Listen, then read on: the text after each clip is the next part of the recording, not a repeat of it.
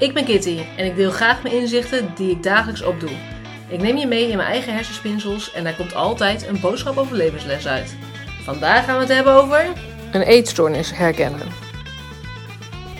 Hey lief mensen, leuk dat je luistert naar weer een nieuwe aflevering van Kitty Geeft Inzicht. En vandaag wil ik het hebben over een eetstoornis herkennen. En nu is het zo dat het natuurlijk ongelooflijk vervelend is uh, als iemand daarmee kampt. Maar ook zeker uh, voor de omgeving. Want je staat natuurlijk machteloos en misschien zie je het wel, misschien zie je het niet. Ik denk dat in echt in heel veel gevallen dat het uh, niet opvalt, dat uh, mensen het heel goed kunnen verbergen eigenlijk. Want het is ook niet echt iets waarmee ze helemaal te koop lopen. Van hé hey joh, kijk nou, ik heb een eetstoornis. Um, en dat heel erg veel onder de radar gebeurt. En op momenten dat je het niet ziet of niet ervaart.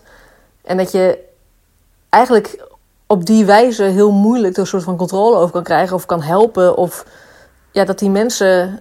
Um, ja, de mensen waar je, die je lief hebt en uh, die hebben dat. Dat wil je natuurlijk niet. Maar het is zo lastig om het te herkennen of te zien dat het speelt. En dat is natuurlijk ontzettend uh, wringend en heel vervelend maar daarom wel een aantal uh, kenmerken waaraan je het misschien zou kunnen herkennen of het zo is voor de persoon in je omgeving. En ik uh, noem er nu een paar. Ik heb uh, opgeefinzicht.nl. Als je daar op eetstoornis op de klacht klikt, dan zul je nou ja, nog meer kenmerken gaan terugvinden.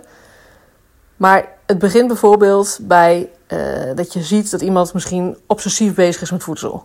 Misschien veel vraagt over eten of uh, die uh, misschien ja, daar wel bezig is met wat er in het eten zit. Of de porties of gewoon allerlei dingen over eten en daar heel erg mee bezig is. En nogmaals, niet gewoon een beetje, maar echt wel obsessief natuurlijk. Um, want anders zou je kunnen zeggen dat ik ook een eetstoornis heb, want ik ben best bezig met eten. en noem me een begonnier. Uh, maar ik vind het altijd heel, heel bijst interessant op de een of andere manier wat mensen eten s'avonds. Als een soort van inspiratie. En uh, ik wil het altijd weten en uh, stuur maar lekker een foto. Um, maar ik bedoel echt meer nou ja, de, de obsessie erin. Daarnaast is het zo dat je merkt dat mensen toch ook geheimzinnig erover gaan doen. Dat is ook een kenmerk daarvan. Dat ze gaan liegen over dingen. Dus als je op een gegeven moment merkt van... hé, hey, uh, ze, ze, ze zeggen alsof ze niks hebben gegeten... maar ik zag toch in de, in de prullenbak zie ik van alles liggen. Of uh, ik hoorde toch uh, spugen, maar die persoon doet alsof er niks aan de hand was. Of misschien dat je wel een kraan hoort lopen... Uh, iedere keer als die persoon naar de wc gaat. Niet alleen voor het handen wassen natuurlijk... Um, dat zijn dingen, dat zijn kleine details waar heel belangrijk is om op te letten. Want het is natuurlijk niet nodig om te liegen over eten of over hoeveel je gegeten hebt of wat je eet of uh, wanneer je eet, et cetera. En dan is het ook zo dat natuurlijk de gewichtsschommelingen die je vaak dan ziet bij iemand. Uh, en dat hoeft niet voor alle eetstoornissen zo te gelden. Alle eetstoornissen, er zijn natuurlijk meerdere eetstoornissen. Ook daar is meer over te lezen op de website. Uh, daar zit natuurlijk verschil in.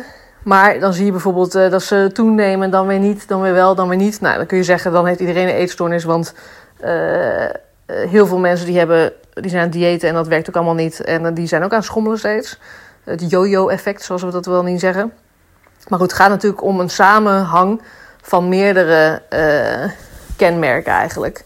En het is denk ik ook voornamelijk toch een onderbuikgevoel. Dat je ergens voelt van, hé, hey, dit, volgens mij gaat dit niet goed. En probeer het dan vooral ook in de gaten te houden en het gesprek wel aan te gaan. Om toch voor die persoon ook hulp te gaan krijgen en te zoeken. En uh, nou ja, dat die persoon zich ook hopelijk veilig gaat voelen om er met je over te hebben. Of uh, nou ja, uh, dat je misschien mee kan denken of dat, het, dat je een luisterend oor kan zijn. En nogmaals, uiteindelijk zit het altijd de verantwoordelijkheid ligt bij de persoon zelf.